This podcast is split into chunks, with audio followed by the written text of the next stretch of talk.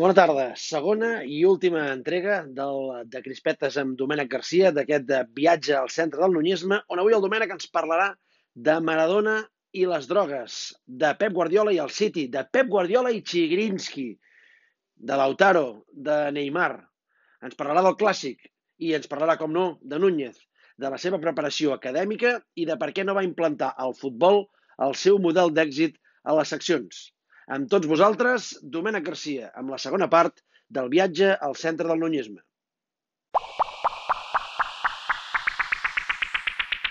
Uh, he volgut parlar amb Domènec Garcia perquè tenim els dos una malaltia crònica, que és el Barça, i la tenim la mirem des de dos punts de vista. Ell la mira des d'un punt de vista nunyista i jo des d'un punt de vista cruifista. Fins aquí estem d'acord, no, sí. Domènec? Sí. Més o menys, més o menys.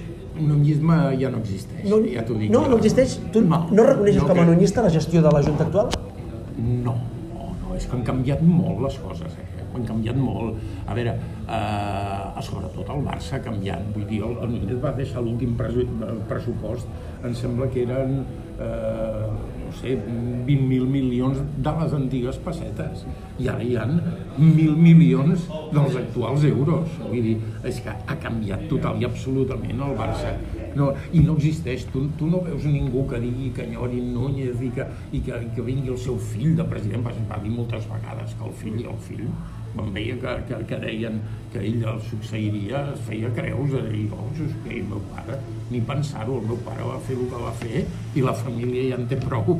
Sí, sí, no, Sandro Rossell el vas veure com un, una continuadora de la tesi nunyista o no? no perquè Tampoc. és que eren, a veure... Ho dic perquè la bossa de vots sí que la manté. sí, la bossa de... De vots, és a dir, la Ah, bossa de vots, sí. el, el, Bueno, més que res per confrontació. És que, és que el, el, el Núñez tenia una bolsa de vots molt determinada, que era el soci antic que havia conegut el Barça i havia conegut les penúries del Barça eh, des de que se'n va anar l'Elenio Herrera, que només es va guanyar una lliga amb 14 anys, la del Cruyff precisament, eh, però també la bossa de vots procedent de l'ampliació del Camp Nou que va haver-hi entre 30 i 35.000 persones que van aconseguir un seient en el Camp Nou gràcies a aquella ampliació abans del Mundial 82 d'Espanya. Recordes que Sí, sí, sí, partit sí, sí. inaugural Sí, va sí, ser sí. Argentina-Polònia, em No, sembla? Argentina-Bèlgica. O Argentina-Bèlgica. 0-1 gol de Van de Berg. Correcte. Va, doncs eh, aquella gent estava molt agraïda i a la bossa de vots que tenia, no al començament, perquè clar, el Camp Nou la, la, ell va guanyar les eleccions del 78, però el Camp Nou es va ampliar al 82, de cara al Mundial 82. Aleshores, el Núñez era un autodidacta.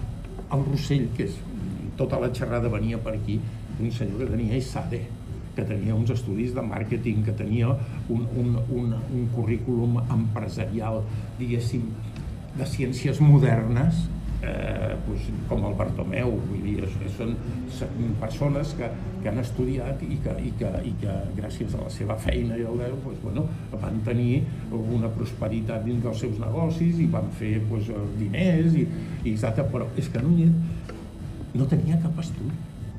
Núñez eh, no va acabar ni el batxillerat i era un autodidacta i tot el que va aprendre no, només va aprendre un curs que li van fer de comptabilitat perquè sabia fer els assentaments correctament. Ara, tenia una intuïció i una capacitat de gestionar les coses extraordinàries. Hi ha un abans i un després en el Núñez, eh, o en el Barça, en el Barça de l'arribada, amb el- Benny Núñez, de l'arribada de Cruyff, eh, esportivament, i, i, i abans de l'arribada i després de l'arribada, però hi ha una cosa que, que, que jo, que sempre he sigut molt crític amb el Núñez, la, la, la única, la, el que més li critico a Núñez és que no apliqués al futbol la lògica que aplicava a les seccions, que per mi el funcionament de les seccions era modèlic, Sí. perquè ell delegava en una persona, si fos a Alemanya en un lloc, a Valero en l'altre, delegava una persona. I ell no s'hi ficava, i, i, i Mani Gamble, exemple, Que va fer Aito, l'Aito i el Valero. Aito Bartiarnes, per exemple, tenia Sí. tota la premsa en contra i el Núñez l'aguantava. Sí, sí. i a la- i a l'Aito li donava bueno, una jerarquia a nivell, a Sí, nivell sí. espanyol indiscutible. El futbol no va fer mai, això. Per què? perquè no es pot perquè t'organitzen una penyolada i, ja, i llavors, i en canvi, en el Palau a l'Aitó ho criticaven, però bueno, només els dies de partits i el bàsquet té el ressò que té, no dona portades al bàsquet, dona portades quan guanyes una lliga europea o una lliga de, de bàsquet o una copa, igual que l'handbol. Les misses surten a Can Barça del futbol, on estan els socis, els abonats, i és on té el ressò mundial l'equip de bàsquet si funciona bé i si no, doncs mira, l'any que ve ja funcionarà millor o potser pitjor, però no és una cosa decisiva dins de la gestió del club. Doncs parlem de futbol. Ahir, precisament, Sí. eh, Pep Guardiola va saltar al Bernabéu amb el City. Sí. Tu que no ets un gran admirador de Guardiola, tu ets més de Com club. no, sí que mira de Tu, Guardiola. del què futbol dius? de Guardiola. I tant que sí, Ah, sí, home. no? Jo, jo et feia més de club. No, no, no. El- el futbol de club no t'agrada més, el futbol més directe. Sí, sí, però és que el, el futbol de Guardiola no es pot repetir. No, el futbol que va fer el Barça del Guardiola... Tu creus que no? Ten, és que, mira, a veure, a veure, el gran error, el gran error que va tenir Cruyff, entrenador del Barça, a veure, hi ha una veritat en el futbol que és que els jugadors et fan la tàctica. Tu no pots jugar amb jugadors diferents la mateixa tàctica sempre. I el Cruyff, que ell va fer un equipàs al 20 Team, etc, va aconseguir la Copa d'Europa, quatre lligues seguides amb un futbol admirable, tenien jugadors adients per fer això. El Guardiola tenia jugadors adients per fer-ho, però fins que no tinguis de tenir aquests jugadors, perquè són els que et fan la tàctica, mm, t'es a estimbar-te. I el Cruyff va arribar un moment que es creia que ell estava per sobre de la, tà- que la seva tàctica, perdona, no ell, la seva tàctica estava per sobre dels jugadors, que es podria interpretar aquella tàctica amb qualsevol jugador. I va començar a fitxar el Skaich, el Korneyev, el José Mari, l'Escurza, no te'n recordes? Però, sí, però aquests eren, Espera, eren els, espera, els, espera. el que va proposar ell o el que però- va poder fitxar? No, no. Lo de Zidane i McManaman i Giggs i tal? Perdona, No, no, pregunto, eh? El Cruyff fitxava el Cruyff. Fitxar el Cruyff. Oh, i tant. Ell, diu, vull, vull aquest i tal. Però el I Rui llavors, Costa no el volia el Rui Costa, escolta, també? En un any es va carregar l'Stoikov, es va carregar el Lauro, es va carregar el Rom... No, el Romario va ser abans, però Stoikov, el, el Julio Salinas. I comença a fitxar Korneyev, José Mari, Sánchez Jara, bueno, aquest venia de la Però, cantera. Domènec, una cosa, què donaries tu ara I- perquè vingués algú i fes això? El què? Això que acabes de dir tu ara. De què? Es va carregar a Zubi, a l'Audrup, a tal, a qual. Sí. Què donaries tu ara perquè vingués algú i fes això? Ostres, tu, això no m'ho he plantejat mai. No, clar, però però, dic- però, però, però penso una cosa, en dos anys, els dos últims del Cruyff, només es va guanyar una Supercopa.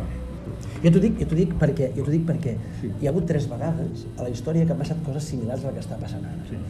L'any que tu dius, de- Sí. d'Atenes, Sí, i amb Guardiola li ha passat dues vegades. Li passa quan arriba, sí.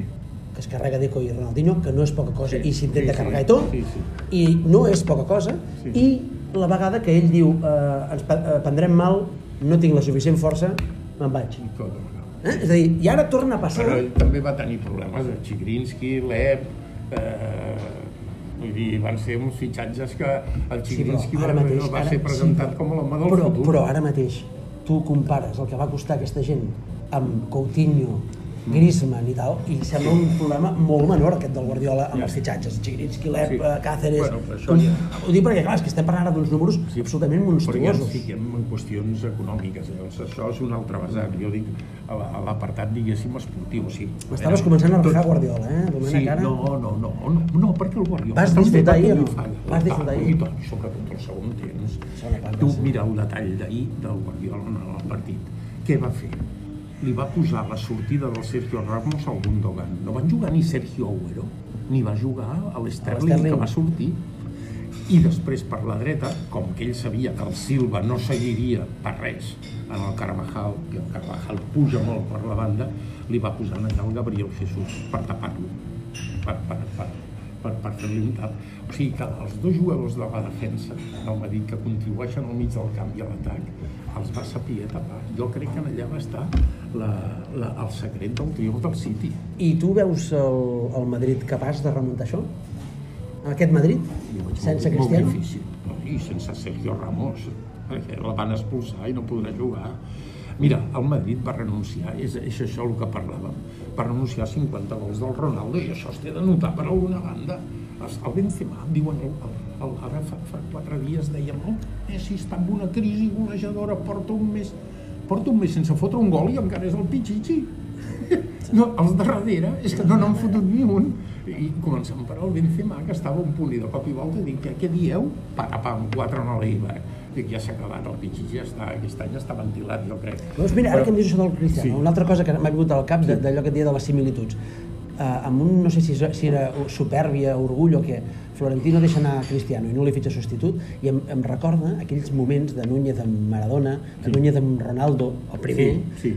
eh, en què tu tens el gran crac mundial Sí. i el deixes escapar. Això hi ha algun punt aquí de, de personalitat de l'entrenador, del Això, president? Maradona va ser per drogues, i això t'ho puc dir. Sí, va ser per droga. Eh, va començar la seva addicció a la cocaïna en el Barça, en el Barça. Ho van detectar, el seu entorn traficava amb discoteques, a l'Up and Down, a l'Equilibrio, etc. Sí, sí, això... I s'ha escrit poc, d'això. Oh, no, no sé si, si s'ha escrit poc o, o massa, però eh, i aleshores el que van fer, quan van saber això, i li va coincidir tot amb la entrada del Goicoechea que li va trincar una cama i amb la hepatitis que va, que va passar i tot, va callar el club fins a aconseguir-lo passar. I ell mateix, en el seu llibre, Jo soy el Diego, Sí. diu que se'n va anar al Barça per problemes econòmics. La seva mare es gastava cada nit he, t'ho vaig llegir aquesta setmana. 25.000 euros en el bingo, i això m'ho van dir els policies del Barça, els tenien i els vigilaven perquè, perquè, perquè veien mm, el que estava passant en aquella camarilla que tenia d'amics i, de, i de coneguts i tal, perquè en aquella torre de Pedralbes hi havia 14 o 15 persones. I tu has pensat mai el que hauria pogut ser Ronaldo, el Ronaldo Nazario al Barça? 10 anys? Sí, 10 anys. Mira, jo només et diré una cosa. Rolando Nazario no ho sé. Jo sé que, el, bueno, sí que ho sé, sé que els seus representants van acabar a la presó, etc etc. Eh? I va tenir unes lesions al genoll bastant importants i tot això. El que sí et dic que el Maradona, al Nàpols, que era responsable subsidiari dels diners que ell gastava i que, i que les deutes que van contraure, etc etc, va desaparèixer al Nàpolis. Nàpols va desaparèixer Sí, i va tornar primer amb un altre nom, perquè no li deixaven el nom, i ara finalment ja té el nom que tenia abans. O sigui que, el cuidado, diu, sí, Maradona, a quin preu Maradona? És a dir, que hem tingut molta sort amb Messi.